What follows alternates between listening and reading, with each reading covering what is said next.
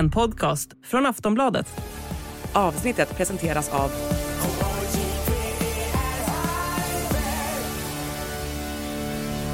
Stödlinjen.se, åldersgräns 18 år.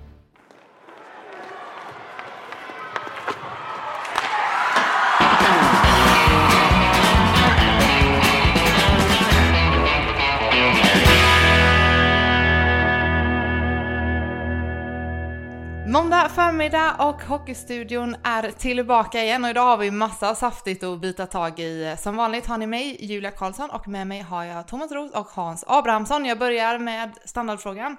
Hur är läget? Vem vill ta ton? Jag tar ton. Bästa team på året. Tre matcher i veckan. Hela tiden. Det bara rullar på nu. Nej, men så här skulle det vara nästan hela tiden. Så det är, det är jättekul. SHL har ju ändrat sin hemsida. Ehm, jag har väl lite synpunkter på hur man har förändrat den. Ehm, men det kan jag ta med Johan Hemlin senare. Men, men har, man har i alla fall, man har tagit bort den här statistiken, alltså old, old statistiksidan. Ehm, man får leta, leta på den på ett annorlunda sätt, så hittar man på den. Och den, det stör mig lite. Men jag, jag tror att det här nya, eh, ja, implikationen kan bli bra. Men eh, de ha, hade en liten, liten sida, eller en liten, ja, en delsida på hemsidan Eh, där det stod viktiga datum eh, den här våren och då fick jag en väldig puls, puls för då var det när negativa kvalet börjar, när slutspelet börjar, när SM-finalen spelas och så vidare. Och de där datumen de, de, de, eh, de gjorde att man kom igång, att man ruskade igång den här gamla kroppen. Mm.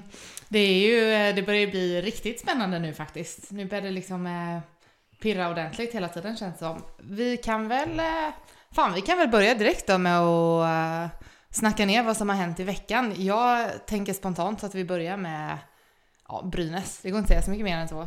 Nej. Jag, jag kan väl hoppa in där. Jag såg ju eh, lördagens match mot Leksand och jag tyckte ju Brynäs var det klart bättre laget och, och på något sätt skulle kanske inte punkterat matchen första halvan men i alla fall haft en ledning. Eh, men det är ju så här det är för lag som det, som det griner illa emot.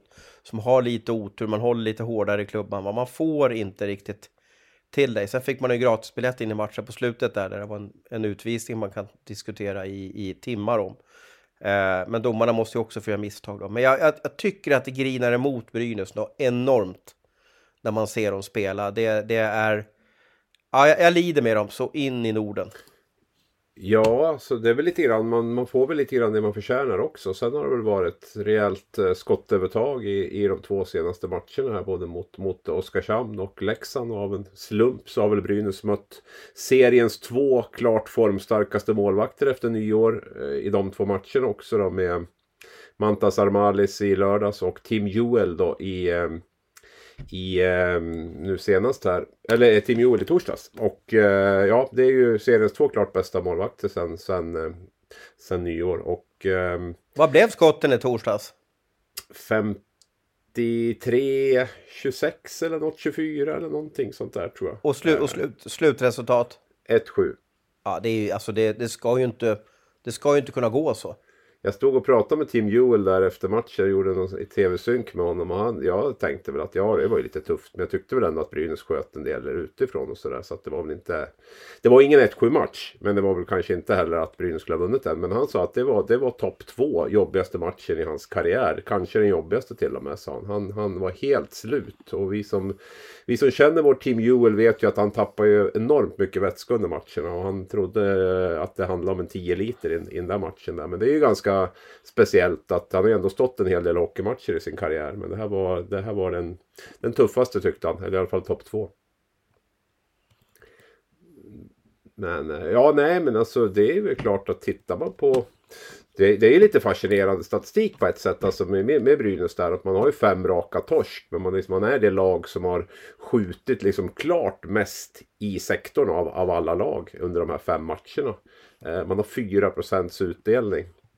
Eh, man har 60% i special teams, vilket är alltså ofantligt lågt. Man brukar ju säga att allt över 100 är bra om man ligger på 60 där om man har en PDO på 83. Eh, och där bör man ju ligga mellan, ja, någonstans runt 100 i alla fall för att det ska vara okej. Okay. Så att det är ju eh, det är ju anmärkningsvärd statistik eh, på det sättet. Då. Sen tror jag väl inte att, jag tror att det ljuger lite grann nu också. Alltså så himla det hockey handlar om att sätta ihop ett spel över hela, över hela isen och i 60 minuter. Och där tycker jag väl inte Brynäs lyckas. De hittar ju sätt att, att förlora matcher Eh, mot Linköping tog man jättedumma utvisningar. Mot, eh, mot Oskarshamn så, så, så var ju försvarsspelet, de individuella misstagen var ju under all kritik. Eh, och mot Leksand så är effektiviteten då för, för dålig, eller Mantas Armades för bra då, om man säger så. Så att eh, det, det, det, det, går liksom inte bara att skylla på otur. Men det är klart, trummar de på som de gör nu så kommer de väl att, att, att få några fler mål.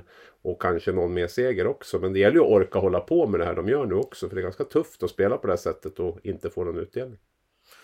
Jag pratar ju mycket hockey med Thomas Lind, då, hockeyorakel på Falukuriren. Då. Eh, och han älskar ju se liksom det här, eh, ja men siffror som man kanske inte ser så ofta. Och han gjorde en, han gjorde en bra inblick i, och han ville att jag skulle ta upp det eh, här i podden och kanske fråga dig Abris. Eh, Brynäs har ju extremt bra publiksiffror trots att det har gått ganska dåligt för de senaste åren. De har ett snitt den här säsongen på 6 och 4 nästan. Eh, och det kommer över, eller 5,5 på en torsdagsmatch mot Oskarshamn. Vad är det som gör att publiken, vad har de gjort i sin lansering där uppe i ERP Monitor Arena? Var, varför kommer publiken mer nu när det går så dåligt för laget? Nu har ju inte jag exakta, exakt fakta och exakta siffror på det här. Men min känsla är att man har jobbat väldigt hårt med att, med att få ut biljetter. Eh, allt från en prisnivå från noll kronor och, och uppåt så att säga. Jag, min, min, känsla är att man har varit mån om att fylla arenan så gott det går. Och i de här matcherna typ när det är svårsålt som Oskarshamn en torsdag så, så är min känsla att man har mm, kränkt iväg en hel del gratisbiljetter. Okay. Eh, jag har inga siffror på liksom hur, hur ser publiksnittet kan vi se eh, svart på vitt att det har stigit. Eh, hur stor har intäkterna varit av mm. publiken den här säsongen? Jag har ju alltid lärt mig att gratisbiljetter inte funkar. Alltså om man ska prata marknadsföring och marknadsekonomi. Det vill säga att då lär man bara kund, kundgruppen att ja, men det här behöver man inte betala för. Men det är kanske gratisbiljetter som har dopat publiksiffrorna då? Ja, där har man väl en förhoppning om att hitta en ny publik. Att man, att man eh, får in ungdomar till exempel. Eller folk som inte går på ishockey normalt sett och tänker att om vi, om vi bjuder in de här kanske de tycker det här är jättekul och sen eh, vill komma tillbaka och eh, betala för det. Då. Så att det, det där kan man väl alltid alltid diskutera vilket som är rätt väg att gå. Jag tror väl att det är en, en bra balans i det där för att, att aldrig bjuda in grupper som normalt sett inte vill eller har råd eller kan gå på ishockey. Det kanske inte heller är rätt väg att gå. Men att hålla Nej. på och, och dopa konstant med gratisbiljetter tror jag väl inte heller är någon, någon, eh, någon bra idé heller. Sen får väl ja. Brynäs biljettansvarig om man lyssnar på det här kan ju gärna höra av sig till oss och, och, och tala om, om jag är helt ute och cyklar när det gäller de här bitarna. De har gjort men, någonting väldigt bra i alla fall. Det är samma sak i Luleå. De snittar nästan 6000 per, mm. per per, per hemmamatch. Och de har ju också haft det tufft i år, alltså rent eh, resultatmässigt. Då har ju ett annat lag, Leksand då, som skiljer sig enormt på eh, tisdags och torsdagsmatcher och lördagsmatcher. Tisdag och torsdag så kommer det 4 000, lördagar kommer det 7 000. Ja, och där tror jag Brynäs har haft lite samma problem och där tror jag man har verkligen försökt lagt in de här, de här högriskmatcherna, om vi kallar dem för det, då, när det riskerar att bli lite folk. De, de kan man ju ganska snabbt se i, i april när spelschemat kommer, vilka de är. Och där tror jag också att man har inte bara skänkt bort biljetter utan man har väl även riktat in sig med priser och, och driver och annat också för att, för att få upp snittet. Så att, eh, nej, det har man ju, där, där har man ju, när det gäller publiksnitt så har man ju lyckats bra i alla fall. Sen är man i en tuff ekonomisk situation. Det är ju inte så att man kommer att göra något jätteplus i år utan snarare tvärtom. Man kalkylerar väl 8 miljoner minus eh, trots då det här ökande publiksnittet. Och det, beror väl kanske inte bara på elpriserna utan också på att eh, biljettintäkterna kanske inte är så stora som publiksnittet visar. Mm, men om vi ser till eh, Brynäs är nere på kvalplats nu. Hur, eh, hur ska de vända det här? Jag tänker mentalt måste det vara extremt tufft. Och det är det, jag, det är det jag är inne på, att de har ju då på den här veckan som har gått så har de ju tappat. Först så hade de ett poängövertag på HV71, man hade ett matchövertag, det vill säga eh, färre spelade matcher än HV71. På den här veckan har man ju tappat precis allt. Och sen har man, vi kommer väl in på det, någon typ av Lindbäck-gate. Man har eh, hur många målvakter som helst på sin roster. Men man vinner ju inga matcher. Det, det, det måste vara så oerhört tufft för dem. Mm. Ja, men så är det ju. Det handlar om att vinna matcher. Om rent konkret så är det ju bara det det handlar om nu på slutet. Det är ju, det är ju att plocka poäng. Och det enda liksom trösten i, till alla Brynäs är möjligtvis att man kan, nu, nu är man i ett läge där man jagar istället, där man inte har så mycket att förlora. Lite grann som HV71 var för någon, någon vecka sedan här. Att, ja, om det möjligtvis kan kan passa dem bättre och att man eh, släpper på allt på något sätt och känner att nu, nu, nu har vi ingenting att förlora. Nu är vi liksom, vi är på kvalplats nu, vi kan, vi kan bara komma uppåt egentligen. Det kan vara. Kan vara. Sen, sen måste man ju på något sätt du måste ju vinna den här PDO-kampen på något sätt. Alltså du, måste ju, du måste ju ha en högre effektivitet och ett bättre målvaktsspel än, än, än vad de har. Och där får de väl, får de väl titta på olika olika faktorer i det. Som det känns nu så har de ju väldigt, väldigt få utpräglade målskyttar som, som, som kan sätta dit puckarna. Och eh, som vi var inne på, och kanske kommer in på ännu mer, så har ju målvaktsspelet eh, inte varit så bra som det, som det måste vara. Mm, men kan, du inte, kan vi inte stanna där då vid Lindbäck, Lindbäckgate som Ros så, pri, eh, så fint eh, benämnde det.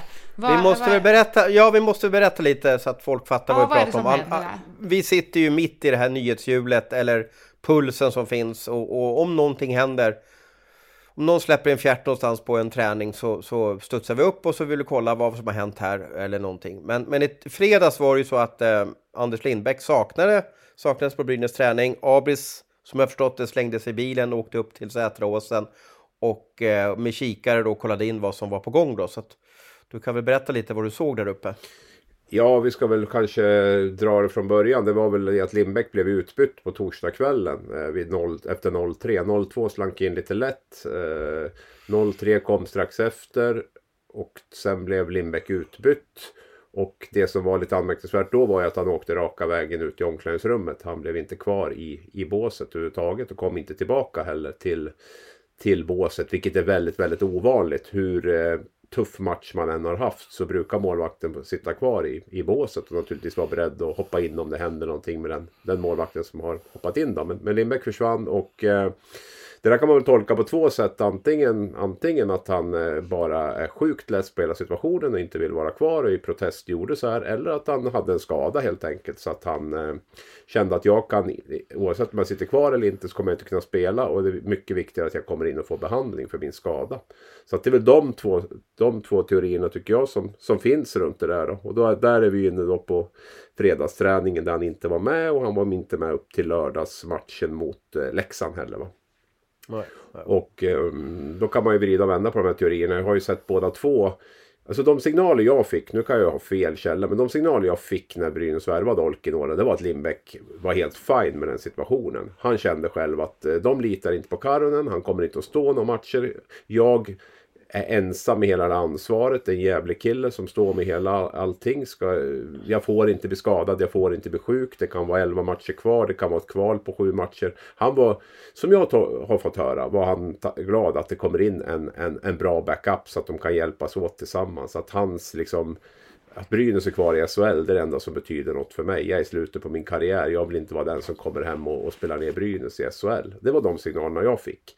Eh, nu såg jag att man spekulerade i simor sändning Jag tror det var Petter Rönnqvist som sa att det här är liksom slutet. Han, är, han, han hatar den här situationen och han, han vill bara, där, vill bara liksom därifrån. Typ. Eh, och eh, där står vi väl lite grann då med, med de två, de två teorierna. Som jag känner Lindbäck så, eh, så har han liksom inget eget ego i det här att han måste stå alla matcher och kommer in en annan etablerad målvakt så, så tycker han det är jobbigt. Men eh, jag kan ha fel.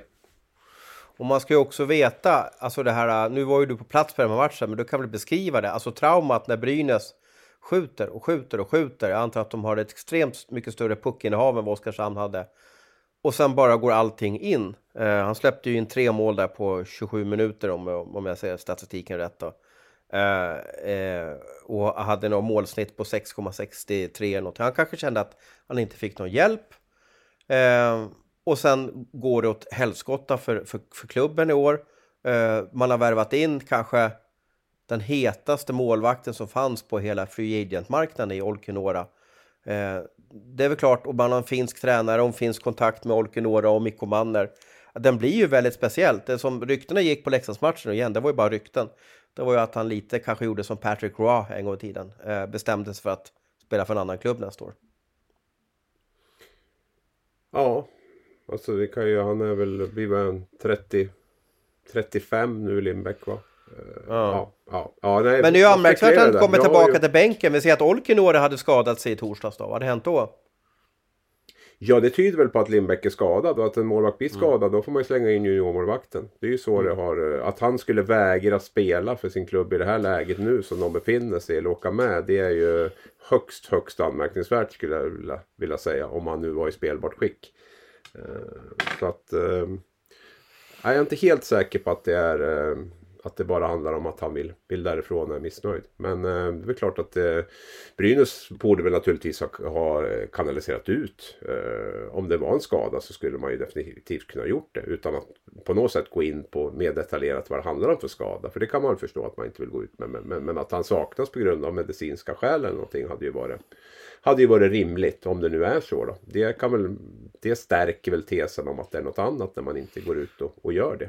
Mm. Vi får ju facit imorgon då. Eh, då har ju Brynäs bortamatch mot, eller på tisdagen ska vi säga då. Eh, tisdagskvällen är det Skellefteå. Brynäs då, då får vi se om Anders är med upp dit då. En oerhört tuff bortamatch också, måste jag säga.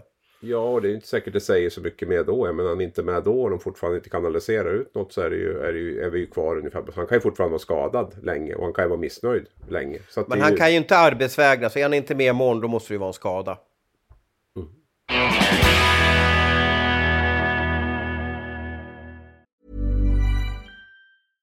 Cool fact a crocodile can't stick out its tongue. Also, you can get health insurance for a month or just under a year in some states. United Healthcare short term insurance plans, underwritten by Golden Rule Insurance Company, offer flexible, budget friendly coverage for you. Learn more at uh1.com.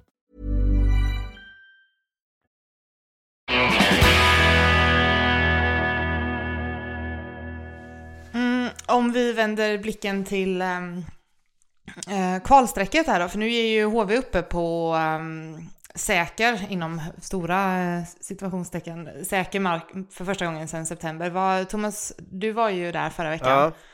Uh, väldigt trevligt att vara i Jönköping för övrigt. Jag tycker introt är magiskt, det som vi har sjungit på. Uh, det, det de säger, de som bevakar HV71 på, på daglig basis, det är ju att det finns en glädje nu. Uh, de jublar när de gör mål. det är en annan typ av hockey, det vill säga att man, man man sparar lite mer på krafterna. Eh, det har slagit väldigt väl ut när Nick Shore kommit in och Andy Mele eh, har gått ut på en kant. Eh, du har en ganska tung tredje kedja, fjärde kedja. Eh, de har fått igång laget och är ett av de formstarkaste lagen i SHL just nu. Det är ju tyvärr väldigt tråkigt för Brynäs, får man säga i det här fallet då. Men, men eh, lyckas de hålla i det här och undvika kval, eh, man har ju 10 poäng upp till slutspel och det kanske blir tufft på åtta matcher.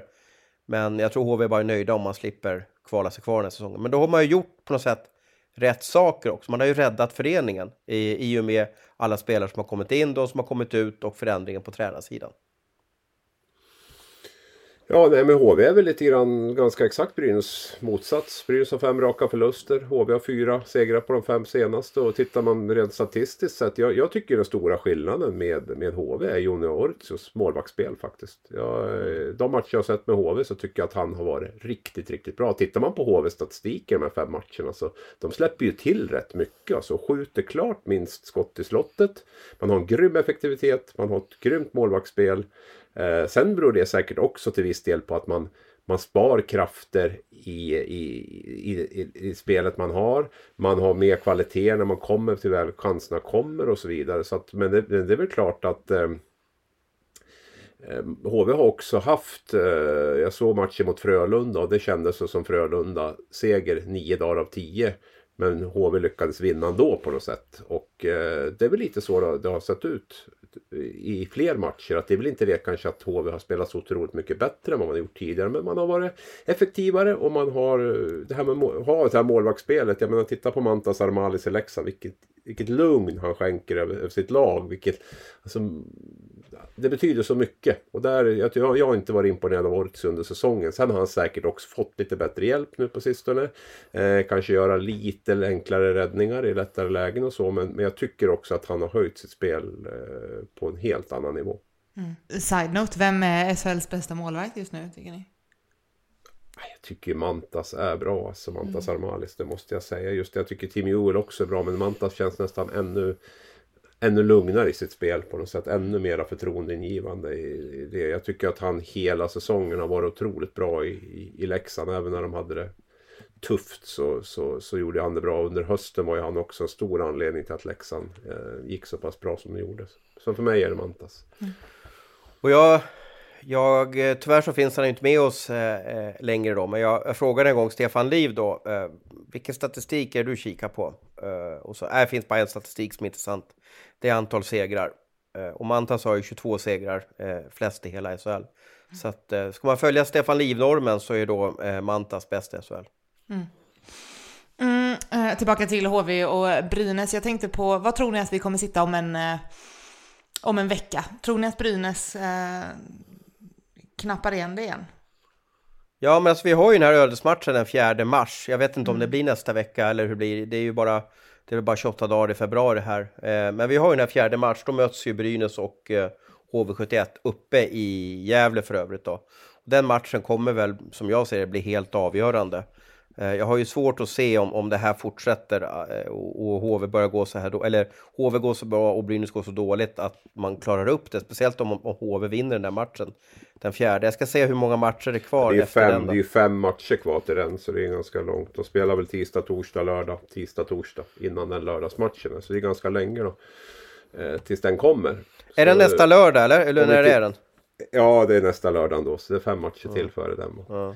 Eh, men det man tittar, tittar på de här fem matcherna, vad som har hänt. Brynäs har nollat och HV har tagit 12 eh, poäng eller någonting. Så, så kan det hända ganska mycket på fem matcher fram till, till den spelas också. Det kan ju vara att HV eh, fortsätter på sitt spår och Brynäs på sitt och då är det helt betydelselös match där. Eller att Brynäs då mm. börjar vinna igen. Så att jag tror väl att vi ska foka i första hand på den här veckan och se lite grann vad som, vad som händer. Brynäs har en jättetuff bortamatch imorgon mot Skellefteå exempelvis. Eh, som, eh, som går för seriesegern då, Skellefteå. Sen har man ju Malmö hemma på torsdag där, som är en, en, en, eh, lite av en nyckelmatch naturligtvis och kanske då ett ja, kommande, kommande kvalmöte. En, ett litet genrep inför kvalet. Det har ju ryktats, eller, står, eller väldigt många supportrar tycker och tänker, och Brynäs är en av de klubbar som kanske har flest supportrar som tycker och tänker. Och det är många som tycker att man ska rycka set från Anton Rudin. Och jag funderar på det, vad det hjälper och, och, och hur, det hjälper laget och vem som kan ta över set och så vidare. Men jag har så svårt att se att det där skulle få någon inverkan och påverkan. Och jag, nu har jag ju ingen daglig insyn i Brynäs liksom verksamhet. Jag är ju aldrig omklädningsrummet eller någonting. Då. Men, men eh, jag tänkte, vad, vad säger du Abis om att byta lagkapten? Det är en fråga som har diskuterats jättemycket här och jag tror väl att det, att det där det är lite svårare än vad man vad man tror och göra de där sakerna. Det är lätt att skrika ut att man ska göra saker. Det är väl lite som jag pratade om det här med Carl Söderberg också. När Malmö rycktes helt på Carl Söderberg. Att blir det så mycket bättre? Alltså det finns ju en hierarki i ett lag. Du går in lite grann. Du, du måste lita på dina, eller du måste liksom luta dig mot dina ledande spelare. Att börja ta en strid nu med sina ledande spelare. Eh, för Rudin är väl inte själv i det här heller utan det finns ju även spelare naturligtvis som, som, som han har med sig och som, som kanske inte heller tycker att det är någon bra, bra idé att rycka set från honom. Så att jag, jag tror att eh, den är, den är väldigt svår. Uh, och ta en strid med sina ledande spelare nu i slutet av serien. Då är det ju lättare att byta tränare. Att en tränare kommer in, lite som Josef och Nisse gjorde då. Fick med sig Rödin, fick med sig Greg Scott, fick med sig Bertilsson i kvalet. De var ju de som ledde Brynäs då och var bäst. Eh, om, om mannen ska starta ett krig nu med, med att byta lagkapten. Det skulle han nog gjort tidigare i så fall tror jag. Det skulle han ha gjort inför säsongen eller någonting. Eller när det fortfarande fanns en chans att liksom göra ett byte om, om man nu ville liksom få in en annan spelare istället. Att man kände att det här kommer liksom att, att ha en missnöjd Rödin i laget. Det kommer inte att hjälpa oss eh, under, ett, under ett kval. Men nu, finns, nu sitter man ju där man sitter med de spelarna. Man har en jättetunn forwardstrupp tycker jag. Eh, backsidan lika tunn den. Så att man har inte så mycket att man skulle man kan också diskutera om man ska bänka spelare som Palve och kanske Timashov och sådär också. Men Brynäs har ju väldigt lite att spela med. Man är lite gisslan i det här. Han, han har ju det lag han har. Han har inte vidtagit åtgärderna tidigare. Och nu tror jag det är, är tufft så länge han är tränare att göra det. Så att, um... Vissa spelare kan ju må bra av att slippa ha set, det vill säga fronta media, fronta sponsorer och mm. så vidare. Och jag vet inte om så är fallet med Anton, att han, att han tycker att det är en belastning att ha det set på sig. Då är det ju en mycket lättare diskussion. Då, då eh, är det så att han känner så. Då, då, är det ju ett, då kan det vara ett jättelyft att göra det. Och eh, då är det väldigt oproblematiskt i gruppen också att göra det. Men sker det mot hans vilja som det gjorde i fallet Söderberg så tror jag att det är, det är väldigt tufft att få ihop den eh, gruppkemin igen på något sätt faktiskt. Du, då, då, då har du några som definitivt åker är missnöjda. Mm, vem hade ni velat se C på i så fall? Jag funderar på Johan Larsson. Ja, nej, det är ju, det är ju han eller Jakob Blomqvist exempelvis. Jakob Blomqvist var ju kapten under många år där också. Blev ju av med C då när Rödin kom hem eh, en gång i tiden för fyra år sedan eller någonting. Så fick ju Jakob Blomqvist lämna över C till, till Rödin då när han, när han kom hem. Och, eh, så det är väl också ett, ett, ett, namn som... Det är väl de två namnen framförallt som är, som är aktuella skulle jag säga. Mm. Mm. Hörni, jag tänker att vi eh, lämnar eh, botten och rör oss lite granna i tabellen. Men jag tänker om vi går igenom lite övrigt från omgången som stack ut förra veckan. Ja, vi har ju hyllat dem förut, men jag känner att vi kan ju inte inte nämna Oskarshamn. De går ju som tåget. Och det sjuka med Oskarshamn, de går som tåget, men de, de kommer inte upp på topp top 6-platserna just nu i alla fall. Men det är ju för att du har en helt galen strid där om topp 6. Du har väl Timrå på 69 eh, och Frölunda på 73. Eh, och det är ju fyra, ja sex lag inom, inom fyra poäng där. Det är ju en eh, helt otrolig jämn strid om det här slutspelsstrecket. Och jag, många kanske tycker att ja, men vad spelar det för roll om man kommer topp 6 eller om man kommer på plats 7 till 10? Men det är ju, kolla historiken så är det ju jätteviktigt att inte stånga sönder eh, i åttondelen och sen få möta Skellefteå och Växjö. Eh, mm. Det är nästan bara att ge upp de här matcherna. Eh, så då, eh, all heder till Oskarshamn och de har ju den här Somela som Ja, du fick ju se han live nu på... på eh, du fick ju se han live här i, vad heter det, torsdags då. Eh, men han gör ju sinnessjukt med mål. Jag tror han har gjort 33 mål nu. Mm. Ja, ja det, det, är 33 mål. Och det är ju... Jag vet inte vad jag gjorde. Sju mål den här veckan. Som var. Och det är... Det är, det är, helt galet. En till sån vecka då är han ju liksom Då är han ju snart förbi Loob. Det där omöjliga rekordet. Har du, har du, har du topp 5-listan där så vi får njuta lite och lite no ja. nostalgi? Hå Håkan Loob 42 mål. Ja. Tom Bissett 40 mål. Mats Åhlberg 39 mål. Håkan Loob igen 37 mål och så har vi Martin Karlsson och då är det inte Martin Karlsson i Leksand utan nu pratar vi om Martin Karlsson i Skellefteå och ja. Örebro var väl i miljonkedjan va? Ja, och det här är många år sedan också som det här uh, skedde. Herregud, det är 70-talet ja. vi pratar om nu snudd på. Ja, Loob kanske var 80-talet i alla fall men, men det övriga är ju 70-talet. Eh, den, den vassaste sedan 2010 då är ju Max Werner förra säsongen faktiskt, 34 mål. Eh, så att det säger ju en del om Somelas liksom prestation och för mig är han ju Ja, jag vet inte. Alltså jag, hela hösten så kändes han mer som en playmaker, framspelare än en målskytt. Men, men eh, även om han var, även har haft bra vassskott och bra avslutare. Men, men, att han kliver in och gör liksom... Ja, jag vet inte vad han kommer att landa på. Det kommer nog bli 40 mål liksom. Det, det är svårt att se något annat. Mm. Mm, Topp 5 borde han väl ändå kunna ta sig in på, tänker jag. Ja, herre, ja mm. absolut. Och då, ska man veta att tiderna förändras så enormt. Förut så kunde matchen sluta 7-3, 12-4.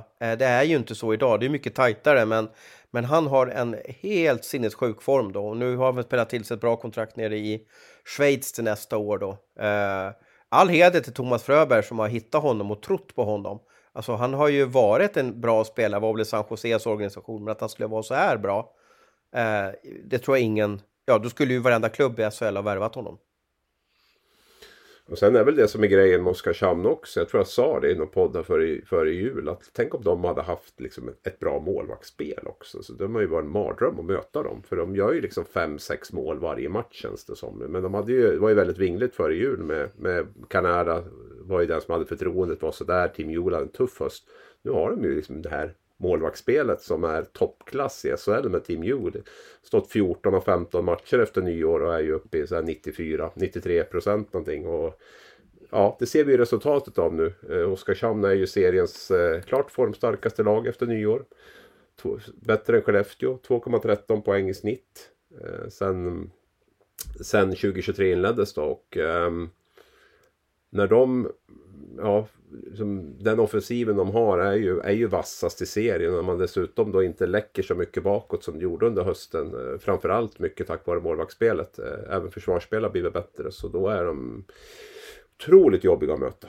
Otroligt jobbiga att möta. Jag vet, jag sa i en intervju där efter första perioden mot Brynäs, då ledde väl Oskarshamn med 1-0. Och liksom, jag tyckte inte de hade spelat bra överhuvudtaget. Alltså, de kommer ju, alltså, det, här, det är en mardröm för Brynäs där. De kommer att Oskarshamn kommer att bli bättre och de, de, de är så farliga när de väl kommer. Ja, sen small det ju tre, fyra gånger i andra perioden och sen är det liksom, de är fruktansvärt bra just nu. Sen åkte de ner och städade av Färjestad några dagar senare också eh, i Löfbergs där. Och, eh, mm, nej, det, de, får de vara skadefria det är väl det som är lite faran med Oskarshamn kanske. Att de är lite tunn i truppen. Framförallt på forwardsidan. Men får de vara skadefria så, så kan de gå långt i slutspelet. Tror ni de kommer knipa åt sig en topp 6 eller? Alltså Färjestad är ju inne i ett intressant skede. De har ju också börjat rada upp förluster på slutet. De är skadedrabbade här. Eh, och nu, eh, eh nu var väl Linus Johansson tillbaka sist här, men, men Lennström var ju borta. Eh, jag, eh, får de inte bukt på sina skador och de inte lyckas med den här nya backen Brandon som ska komma in, då får, då får Färjestad tufft att vända på det här. För det, det börjar bli lite för många skador. Frölunda har också extremt skadedrabbat. Men du ska ju förbi, du ska ju Oskarshamn förbi Leksand som har nästan lika bra form som Oskarshamn. De ska förbi Örebro, eh, de ska förbi Färjestad eller Frölunda. Det är ju bra hockeylag som, som är tuffa att ta sig förbi. Mm. Sen har ju Oskarshamn sedan nyår haft en enorm utdelning och ett enormt målvaktsspel och liksom över tid. Nu har de haft det i 15 matcher. Jag tror de har liksom så här 108 i PDO sen, sen nyår och närmsta lag är under 102. Bara för att förklara lite grann vilken nivå de ligger på i sitt, eh, i sitt eh, ja, sin utdelning, sitt målvaktsspel. Det, extremt tufft om de ska hålla det här, fortsätta hålla det här för att... Eh, så det talar väl emot dem möjligtvis. Men, men eh, det här med att tippa topp 6, det har man väl nästan lagt ner nu. Ni förstår vad jag menar när jag säger att det är bättre att hålla fast vid sitt tips. Eh, ja, gud augusti, ja. Vi satt väl... Ja, en, herregud. Det ändras Många, ju hela tiden. Ja. Och Leksand har vi räknat ut fullständigt. Var inte de ner och slogs nästan om en kvalplats där efter... Eh, Jo, det tror jag någonstans. Efter nyår va? Mm. Eller något sånt där. Eller, ja, de mötte Brynäs vet jag i Gavlerinken där. Så, så, och torskade den, då var det ju liksom, då var det kris. Och nu är de... Vi tog ju fram motorsågen och såg allt och alla där. Ja, och, och, ja. Ja, och nu är de liksom hetast. Och Oskarshamn har ju haft, hade ju lite tufft där före, före jul och nyår. Och nu är de superheta. Rögle tror man ju ska liksom lyfta. Det gör de inte. Torskar man matcher som den mot Frölunda så kommer man nog få jäkligt tufft att nå topp 6 och så vidare. Så att eh, det är ett lotteri. Mm, innan vi stänger topp 6. Finns det något annat varningstecken där uppe? Har ni sett, har ni liksom spanat någonting under veckan som gått? Rosa har ju märkt. Ja, ja. Rosa har ju nämnt Färjestad. Det är, ja. det är ju stora, det är väl det stora stora, efter min hyllningskrönika hur bra de har klarat alla skador så har det gått helt åt helvete. Så att eh, jag får väl ta på mig den då kanske. Eh, jag skrev ju något vackert om Färjestad där efter de hade spöat. Och det går, ju, det går ju undan också för att jag har tänkt att jag skulle göra inside Färjestad men nu börjar de tycka att vi har det tufft. Vi, vi, vi har inte möjlighet att släppa in någon här i Färjestad riktigt. Jag skulle följa med på någon bortamatch och så vidare. Eh, de var, fick skador. Eh, den här sista värvningen på, på Brandon Davidson, då började det bör kritiseras lite för att han har varit i Ryssland, KHL, en månad här den här säsongen. Så då fick de lite skit för att de hade haft en, ja, en spelare som har varit KHL och tog in honom i Sverige. Så det har varit lite stökigt här sista dagarna, sista tio dagarna runt Färjestad. Och det är de inte riktigt vana att de har. De brukar bara vara en vinstmaskin under Metell då. Eh, och nu riskerar de ju att hamna på plats 7 till 10 eh, om de inte börjar vinna matcher. De måste ju få tillbaka folk också. De är ju extremt skadedrabbade. Ja, nej, och sen får vi väl se med Timrå. Det känns som att det var en väldigt, väldigt viktig seger de tog nu mot Växjö. De har ju haft lite, lite svacka igen kan man väl säga. Timrå där, jag tror bara om det var en seger på de fyra senaste före det. Eller något sånt. Så att eh, känslan är väl att de kanske är på väg uppåt igen och eh, börjar, börjar vinna lite matcher. Så då kommer ju de naturligtvis att och, och, och bli jäkligt jobbiga också och stå emot. De har ju väldigt mycket skickliga forwards tycker jag. Jag, jag måste få dra en liten spaning här. Det gäller inte SHL och det gäller, det gäller de lägre divisionerna, men, men jag tyckte att det blev väldigt... Eh, ja, jag har inte hört talas om det förut. Jag kan väl slänga det mot er så får ni tycka till och sådär. Det, var ju, det är ju kval nu. Det är, det är ju inte bara SHL eller Hockeyallsvenskan som kvalar, utan alla divisioner eh, på både dam och herrsidan har ju liksom kvalsystem både uppåt och nedåt. Eh, och bland annat så kämpar Häradsbygden då som är andra laget i Leksand för att ta sig upp i division 2. För det skulle innebära att de får en större grund på och samarbetet med Leksand kan bli annorlunda. Och de mätte då Eh, Gävle Templare, kan man säga så? Eller säger man Gävle GIK eller vad säger man Abris, du som är från närområdet där? Ja, men det funkar nog med båda. Man kan säga GIK ja. också. Ja, och eh, lite speciellt då, för då hade ju då eh, Gävle, eh, ja, Gå Templare säger då, då hade de dunkat in eh, Jörgen Sundqvist och Jonas Nordqvist i laget för att boosta då. Och det är ju två gamla eh, Leksandsspelare. Och i Herrasbygdens bås så stod Anders Masken Karlsson då, som har Go Templare som moderklubb och är en stor profil i Gävle. Ja, ni, ni märker att det fanns liksom många nivåer i den här matchserien. Eh, och nu ska jag komma till skott då. Det här, allt det här, de körde i bäst av tre. Eh, Bygda vann första matchen med 3-2. Andra matchen går till förlängning, inget mål, det blir straffar. Eh, de genomför fem straffar och, och Häradsbygden vinner då den här straffläggningen eh, på fem straffar. De jublar och de har gått vidare, går in i omklädningsrummet. Jag vet inte om de har hunnit knäppt första ölen eller vad de har gjort, men, men de tror i alla fall att de har vunnit och gått vidare till nästa kvalmatch. Eh, då börjar det diskuteras och surras väldigt mycket i korridoren här. Då visar det sig att domarna har gjort fel, att det bara skulle vara tre eh, straffar efter om det var lika vid fulltid. Så att då räknade de om matchen och då visade att Gävle ledde efter tre matcher. Så då fick Gävle eh, eh, matchsegen till slut. Eh, och det var ju ramaskri där. Eh, och sen så spelade den avgörande matchen igår kväll och då vann Gävle tror jag med 9-1 eller någonting då. Så tänk dig vad luften gick ur Häradsbygden och, och tänk vad det där har nog inte kunnat skett på SHL-nivå. Det är ju lite charmigt när det kan bli sådana här misstag då, men, men eh, jag lider med Häradsbygden som trodde att de var nära division 2, men åkte bara rakt ner i avloppet. Det låter helt sjukt. Avbrist Ja. ja, nej, det, så kan det gå till. I de det är, lite, det är lite charmigt. Ja, det är lite charm, ska ja. skipas. Ja, eller när kanske man inte har stenkoll på allt. Inte, hur ska man veta om det är tre eller fem straffar? Uh, I det här fallet så fick jag för mig att lagen har kommit överens, vi kör fem straffar. Men att ishockeyförbundet i Stockholm gick in och sa nej, det ska vara tre, tre straffar, punkt slut. Det kan vara bra om man har koll på inför ett kval kanske hur många straffar det ska avgöras i och med att det ska... Ja. Det ja. behöver kanske domarna framförallt ha, ha koll på. Ja. Kanske. På tal om domare.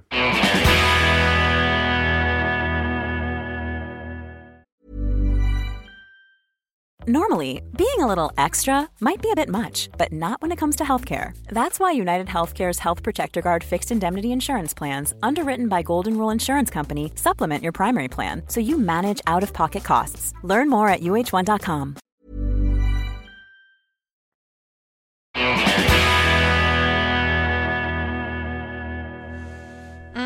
Om vi eh, kollar in övrigt från veckan som gått då. Du eh, hintade lite smått, eh, Abris, om eh, domarskandaler. Det har ju varit en del eh, rabalder vill jag inte säga, jag tycker inte om det ordet. Men det har ju varit lite små grejer som eh, ploppade upp förra veckan. Ja, alltså det, det är ju en, det är en diskussion som har fullständigt urartat tycker jag. Alltså jag, jag vet inte om jag är helt liksom utanför Eh, själva hockeybubblan på något sätt. Men, men alltså de proportioner som det får med de här eventuella misstagen och hur fruktansvärt dåliga alla domare är nu för tiden. Och, och, och hur deras lag felfördelas gång på gång på gång. Och, alltså, jag, jag tycker det, det blir osmakligt faktiskt. Jag, jag har jättesvårt att liksom att inte man kan fokusera mer på, på ishockey. Det är ju så här, liksom, alltså är man ute efter total rättvisa i varje situation då är ju inte en idrottsarena ett ställe man ska befinna sig på.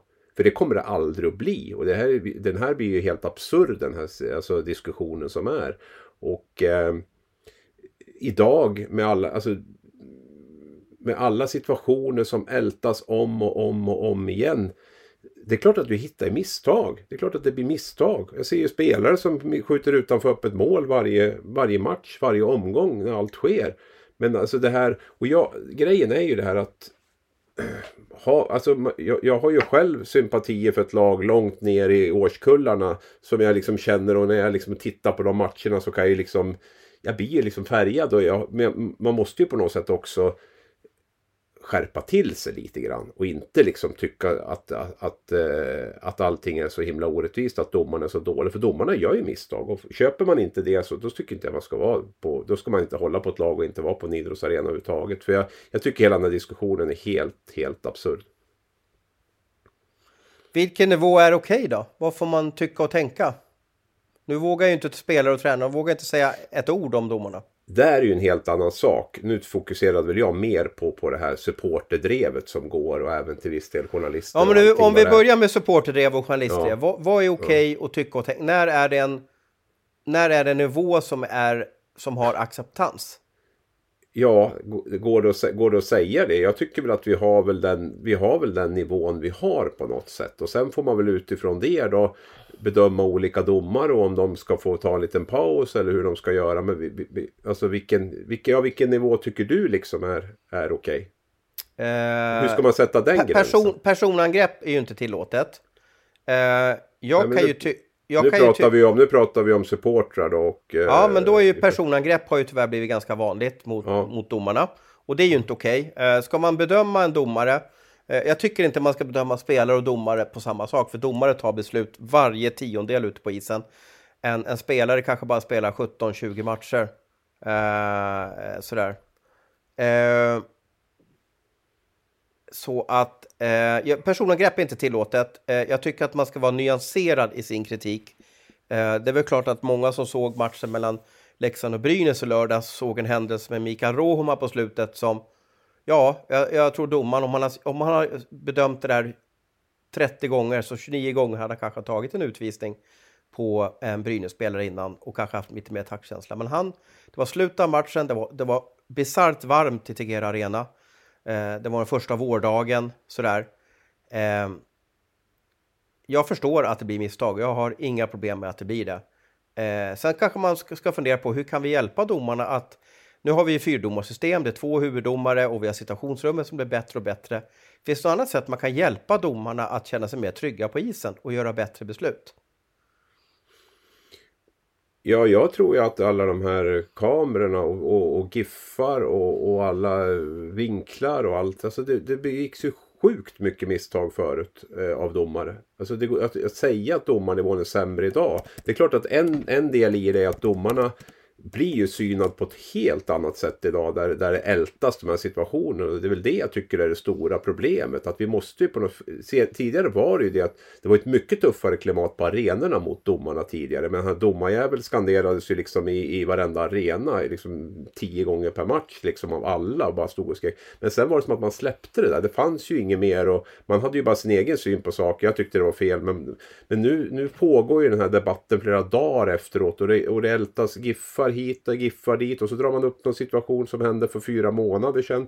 Som, som borde ha varit en utvisning om det här var en utvisning och det blir, till slut blir det ju ett, ett, ett, ett, ett, en, en rundgång som, som inte gynnar någon och som bara tar bort liksom fokus från, från eh, matcherna och det som, det som händer där och som jag tycker är extremt tröttsam måste jag säga. Jag tycker det är och sen vill jag ju ta upp Roma situationen måste jag få göra för att jag, alltså det är ju solklar utvisning. Men Romas handling är ju så extremt egoistisk. Där hans lag leder med 2-0. Han känner sig orättvist behandlad och därför så måste han skriva. Han vet ju det att vi kommer att reda ut det här om vi håller alltså femman på banan. Han sätter ju sitt lag i skiten på grund av det där. För det är ju lite grann så också. Spelar du ishockey det är ju samma sak där. Det kommer inte alltid att vara rättvist och du måste lära dig att hantera det. Och framförallt om du leder med 2-0, det är två minuter kvar och ni är på väg mot en viktig trepoängare. Då måste du sätta ditt eget ego åt sidan och inte liksom låta den här oförrätten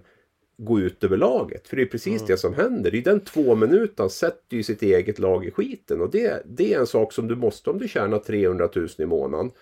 Då måste du, oavsett om du tjänar 100 eller 300, du måste lära dig att du får ta den saken då. I det läget.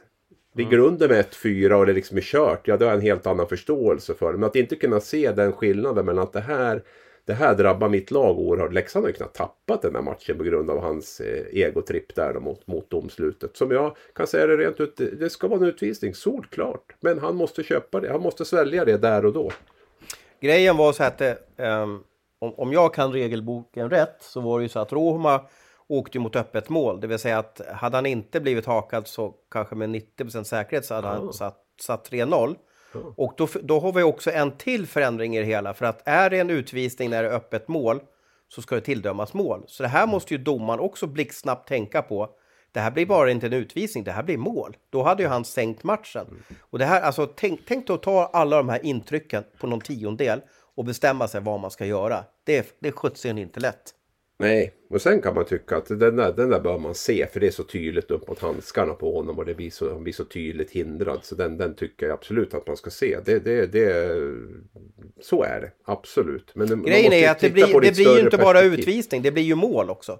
Hänger du med? Regelboken är ju lite tuff. Jo, där. jo. Men det beslutet bör han ju kunna ta på, på, på isen. Sen kan man väl alltid bedöma när är det ett sånt pass friläge så att det ska bedömas mål. Alltså han var ju ändå ganska långt ut på kanten och så vidare. Och så där. så jag, jag, jag vet, det kan inte jag riktigt säga. Men det jag tycker är intressant i den här diskussionen är ju just att där ingår faktiskt i deras jobb att kunna hantera de känslorna i det läget där och då. För att, eh, Man undrar sen- vad han sa. Han, han, han, blev ju inte, han, han blev ju inte anmäld, ska vi notera. Nej, nej. Jag undrar vad han sa.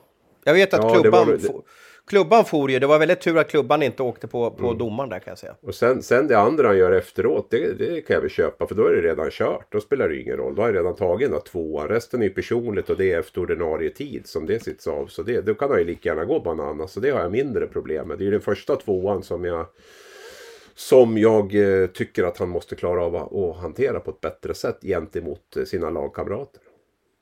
Och det var ju, det vart ju sån, det vart ju häftigt, om man nu får kalla det för häftigt, för Brynäs gjorde ju 2-1 på den där utvisningen. Mm. Och jag såg domarnas reaktion där efteråt, att de var ju, tyckte att oj, det här blev ju jobbigt att det blev mål. Och sen hade ju Brynäs lägen på 2-2 lite senare också, så att eh, Mm. ja, Romer hade, hade nog fått bett om ursäkt där om, de, om det hade blivit 2-2 och matchen gått till förlängning. Ja. Samtidigt som jag kan förstå hans frustration så måste, i det läget måste han vara bättre på att... Men hur eh, lätt är det då? Jag har aldrig varit i det Nej, det är läget. skitsvårt. Det är Ja, skitsvårt. och- om vi... Det, Men- alltså men det, var, det var över 8000 Tegera Arena. Mm. Det var kanske säsongens bästa tryck. Eh, Det är varmt. Mm. Eh, Det är positivt. Roma har det tufft också. Det vill säga att han har varit skadad, kommer tillbaka, levererar inte. Han behöver sina poäng för att få kontrakt nästa år. Och så sker en sån där sak. Jag, jag vet inte om jag hade klarat av att hålla mig så lugn då. Nej, nu är, det ju, nu är han ju en högbetald idrottsman och har ju, en del av hans det handlar ju om att hantera sina känslor på isen. Det är ju som en hjärnkirurg som, som, eh, som opererar också. Det är inte så jäkla lätt liksom eh, alla gånger. Men, men eh, de måste klara av sitt uppdrag annars blir det inget bra. Och det är ju alltså jag, jag, jag tycker att eh, han, han eh, sätter sitt lag i skiten helt onödigt och han måste bli bättre på, på att hantera det, sitt eget ego. Om, om dina grabbar blir arga Abris, vad har du för taktik då för att de ska lugna ner sig? Räkna till 10 eller vad, vad gör man? Ja, det är en bra fråga. Det har jag försökt många gånger ibland faktiskt. Eh, Den, den har jag ingen bra... Det, det bästa, kanske är, så- att gå, det bästa är så- att gå därifrån och, och låta Ja. dem lugna ner sig. Ja. Har jag kommit på. Istället för att ehm, skälla tillbaka. Ja, jag brukar gå in på telefonen och kolla på reelsen och sånt där, då blir jag lugn. Ja. Och så djur- hundvideos Mö, på mö, Instagram. möta konfrontation med konfrontation brukar inte funka så bra faktiskt.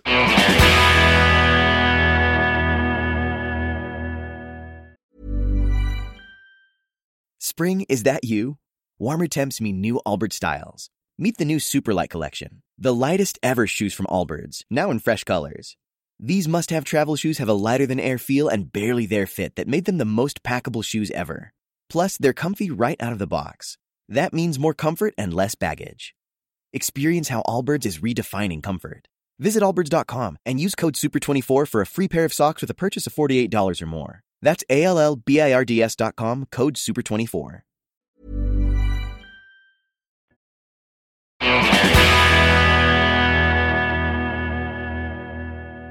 Förra veckan så var det deadline day och jag tänkte bara att vi kunde göra en liten uppsamling, en liten summering av det som skett. Vilka var egentligen de bästa värvningarna? Kanske skitsvår fråga, jag vet inte, men eh, Vilken tur att jag gjorde en lista förra veckan. Då.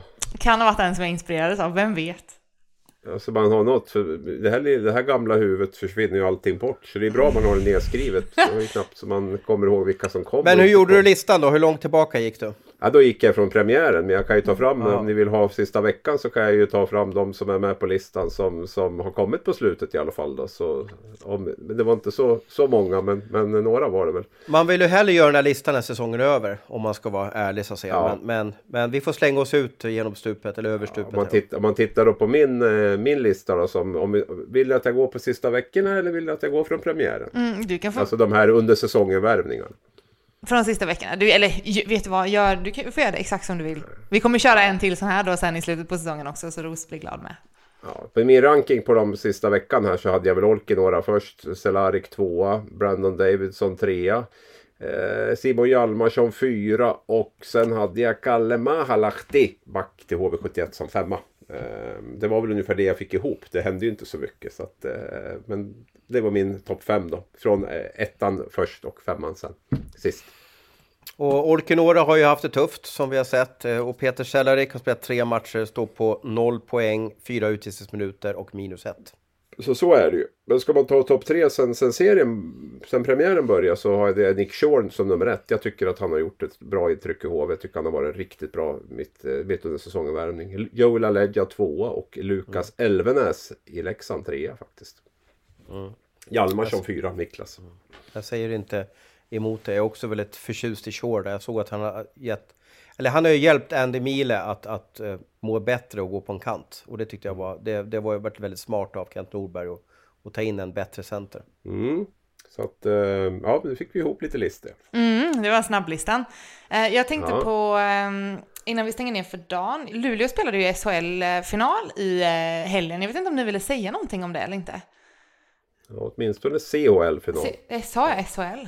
Ja, men det är helt okej. Vi säger, vi säger. Champions Hockey League! CHL menar jag. Ja. Jag vet inte om jag vill säga så mycket om det. Jag tycker det är en lite sorglig turnering. Ja, vi är ju helt, vi, vi är så olika där du och jag Abri, så att säga. Jag hade så jättegärna velat varit där, för det är en match, en pokal. Eh, jag tror nästan tusen tappar av fans där. Eh, tappar är ju lite som Djurgården eller Brynäs i, i, i Finland. Man ser att de har 18 mästartitlar, alltså det var en stor klubb som kom till Luleå.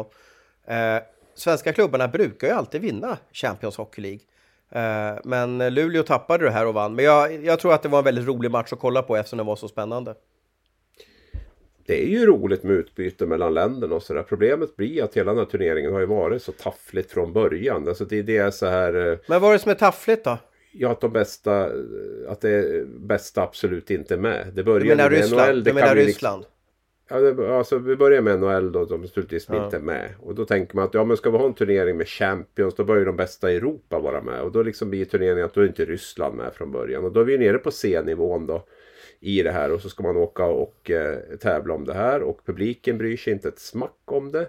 Eh, och, då, och då blir det liksom att jag, jag tappar helt intresset då faktiskt. Även om jag tycker att det är bra att lagen möts och får utbyte med varandra och får testa på andra stilar och, och så. Men, men eh, när det inte finns någon prestige att vinna Mer än bland de inblandade lagen möjligtvis. Eh, knappt deras supportrar. Det blir nästan så att de supportrar som jublar över CHL-seger blir hånade av, av, av alla andra. Liksom så här. Plus att det då är eh, ja, C, C-nivån av, av lag som, som gör upp i, i, om det här. Så, och dessutom är det bara Finland och Sverige som, som vinner hela tiden. Då, eh, nej, jag, jag ser inget i det, tyvärr alltså. Jag, eh, all heder till de som har försökt och, och, och, och liksom få ihop det här och att det kunde ha blivit något bra. Men, men eh, det kändes som det var dömt att misslyckas från början och så är det. Tycker att det är lite svenskt ställningstagande, att man bestämmer sig för att någonting är skit och sen ger man inte det riktigt chansen. Eh, är ju Ja, så här chansen har många... hållit på i tio år liksom. Det har ju inte, Ja, det har ju inte, det åt- har ju bara blivit åt- sämre och sämre. Nu sänker Åtta, man ju... ja, det, det har väl inte blivit sämre? Det kan man ju inte säga. Att publiksnittet ökar. Eh, vi har SVT som sänder. Eh, den här matchen lördags var ju ett galet tryck över. Eh, och jag hade jättegärna, det hade varit en av säsongens roligaste matcher att se när det är en match, en titel och det ska avgöras. Eh, sen, har väl, sen kan man väl tycka att det är lite tufft att gå igång på om HV71 eller Linköping eller Frölunda skulle möta kanske ett slovakiskt lag eller ett tjeckiskt lag som man aldrig hört talas om då. Men eh, tänk dig själv hur det är för Barcelona i fotboll när de får möta eh, ja, Kalmar FF eller Häcken. Jag tror inte de tycker det är så oerhört galet roligt att få- möta Häcken. Men man får ju se att man bygger hockeyn i Europa och att det, det, vi får nya profiler och vi får se nya Eh, eh, lag som vi inte har sett förut. Då. Eh, jag har ju sett några finaler där och jag tyckte att den här eh, Frölunda mötte München tror jag en final. Eh, skitkul match, helt slutsålt i arenan. Jag var nere i Tjeckien och såg när, när Frölunda vann också. Eh, jag var uppe i Luleå och såg när Luleå mötte Frölunda. Jag, för mig har det varit minnen som jag tar med mig i alla fall. Och jag tycker att det är nyttigt med det här utbytet som finns i Europa. Men det är frågan, jag, jag frågar Johan Hemlin frågan där. Hur ska vi göra? Ska Sverige vara med i Champions Hockey League eller inte? Nu berättar jag att de har ett avtal som är ganska, sträcker sig ganska många år fram till, så att det, det blir ju en icke-fråga då. Men, men eh, klubbarna de pratar om det, de tycker att det är positivt. Man kanske får anställa Brynäs biljettförsäljare där och, och börja jobba på Champions Hockey League så att svenska klubbar säljer biljetterna till de här matcherna. Två grejer till innan vi stänger ner för dagen. Eh, veckan som kommer, hörni, vad ser ni fram emot? Malmö-Brynäs såklart antar jag, men eh, är det någonting annat? Eh, nej men det är, ju, det är ju den tid vi är inne i nu med striden om topp 6, med eh, striden om kval. Eh, Hockeyallsvenskan tycker jag också är inne i ett jäkligt intressant skede. Eh, och så vidare. Så att det är ju det, är ju det här att matcherna gäller någonting. Jag känner att ju längre, ju fler år jag jobbar med det här, ju mer triggad blir jag av de här matcherna som verkligen gäller någonting. Eh, om vi ska återkoppla till CHL där kanske som jag tycker har svårt att gå igång på. Men det här tycker jag är, eh, det här är ju lite drott för mig.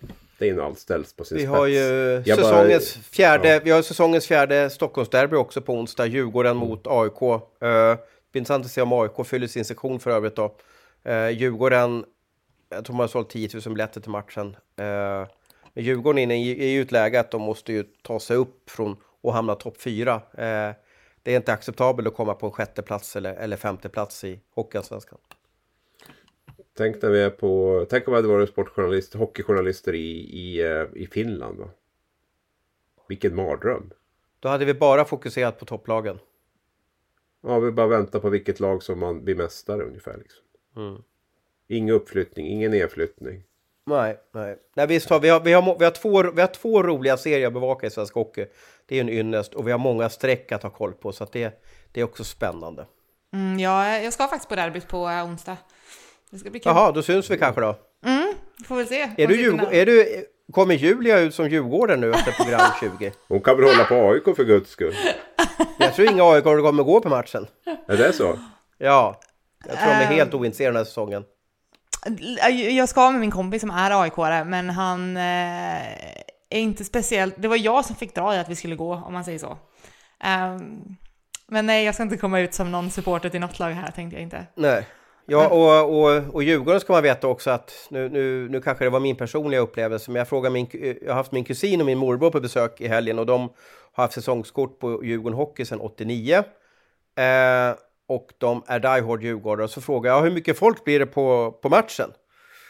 Och då tror jag Mattias sa det var 15 000 sålda. Och jag bara sa 15 000, vad, vad, vad pratar de om? Och sådär, ja Djurgården, Landskrona, sa han då.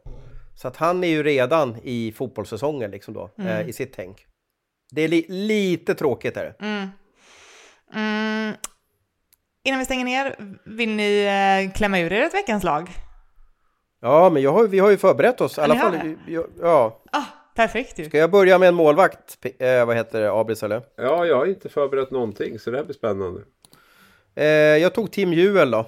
Ja, det kan vi det... väl eh, köpa. Ja, det är på grund av hans match då mot Brynäs borta där, där han räddade precis allt och alla och matchen slutar 1-7. Eh, tränare tog... en back då eller ska du bara ösa på? Nej, ta back du. Tack. Eh, ja, men då säger jag på uppstuds Oskar Fantenberg för han tycker jag är så ruskigt bra varje gång jag ser honom. Så att jag vill ha med Oskar Fantenberg. Ja, och då tar jag ut Anton Lindholm där för jag tycker att han är en försvarsgeneral i, i Leksand. Eh, och så vidare. Sen tror jag, jag att jag vill ha Antti Suomela med faktiskt. Ja. Eh, kan det vara okej okay, eller? ja då, ja då. Ja, tack. Eh, ja, eh, han har ju, hur många poäng har han gjort den här veckan? Jag kollade ju en formtabell. Nio. nio poäng. Ja, ja. Sju mål. Sju plus mm. två. Mm, mm. Det är helt okej. Okay. Vi har ju MVP'n klar där till den här säsongen. Jag har svårt att se att det ska bli någon annan. Eh, sen tog jag Greco eh, i Frölunda som har haft lite tufft, men eh, bra leverans från hans sida. Sen tog jag väl, och man blir färgad av... Äh, du får ta en sista forwarden så, så folk slipper höra min röst.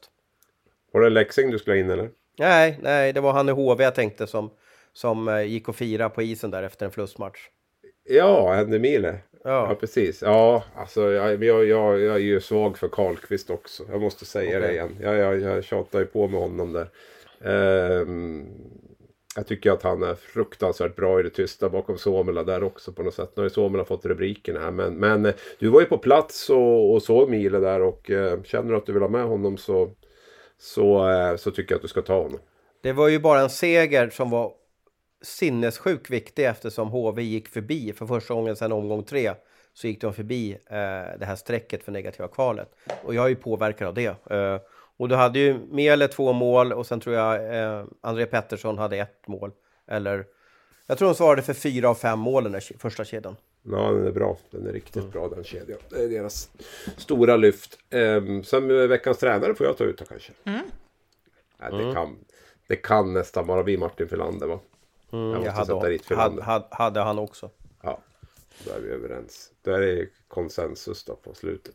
Alltså det är så roligt, för lika, lika ledsen som du ser ut när man äh, nämner S, äh, CHL, Abris, lika glad blir du när du ska se ut veckans lag. Det är liksom... Ja, Ja, eller i alla det- fall, all, alla fall när han får nämna Karlqvist och skiner Ja, upp. ja, alltså det, det jag har ju- leendet när Karlqvist dyker upp är Ja. liksom oslagbart. Och jag, eh, hur var det nu? Om Oskarshamn förlorar åttondelsfinalen, om de nu inte går direkt dit. Då ska jag vara positiv i en hel podd, eller hur var det? Ja, Ja. precis ja. Då får vi väl ha en hel podd om äh, Oskarshamn. Visst var dealen sån va? Ja, att det om var de, jag, jag är säker, jag ska tippa Oskarshamn vinnare i åttondelsfinalen om de nu hamnar där. Och förlorar de den då ska jag vara positiv i en hel podd. Men grunden var ju att du tyckte Men då att får du vi var inte prata positiv. CHL. Det, det måste jag lova. Men, men du, tyckte, du, du tyckte ju att du själv var positiv hela tiden också. Nej, inte hela tiden. Men, men eh, jag säger, när, när när det är skit så säger jag att det är skit. Typ. Det måste jag ju göra. Jag vinklar jobb. på, på Brynäs publiksuccé och Champions Hockey League. Du vinklar på, på hur tråkigt CHL är och eh, Brynäs poängtapp. Ja, och Brynäs att de har ju skänkt bort biljetter va. Mm. Och sen var jag arg på domargnället. Och så var jag grinig på CHL. Du vet, jag hade ju, nå- jag hade, jag hade ju, det är ju därifrån det här smeknamnet på sociala medier kommer. Jag hade, hade, hade ju något sekvens för något tv-program som heter Rosenrasande. Ja, det är en klassiker. Ja, är, och då alltså, skulle jag ju vara arg på någonting. Varje vecka skulle jag hitta någonting att vara arg på. Eh, Det var oftast Luleås tråkiga spel vet jag. Eh, och så vidare. Men vi kanske får ha Abris, arga Abris, någon sekvens eller någonting sånt där. Åh Men ja. Du spelade in den, du spelade in den med en mobiltelefon Ja, hemma i Huddinge ja, där va? Visst ja, var det så? ja, Ja, det var ja, före ja. din tid på alla sätt och vis med det där. Och det var Ja, långt eller- innan. Det var eller långt hur man ska innan. Jo, det var det. Åh, Det var- Kan vi börja nästa vecka med arga Abris? Du får en fem Arga minuter Ab- där du får vara sur Det låter som, Ja. fanns det inte, men han hette inte Arja Arne någonting? Fanns det inte någon eh, Abris där på vår tid när vi var små? Han hade Klasse Möllenberg var någonting? Var det inte Arja Arne eller någonting? Ja, Ja, det kan stämma. Ja. Hans hatar. Vi kan ha många namn för det. det är bra. Ha, ha, sånt. Jag hatar, hatar det så hårt. Vi gav ju kärlek till domarna i alla fall. Ja, det är bra. Ehm, och med det så tror jag att det är dags att stänga ner för dagen. Tack Thomas Roos, tack Hans Abrahamsson. Tack till alla er som har lyssnat. Har ni tankar, frågor, åsikter, ni vet vad ni ska göra. Det är bara att höra av er till någon av oss. Så hörs vi igen om en vecka.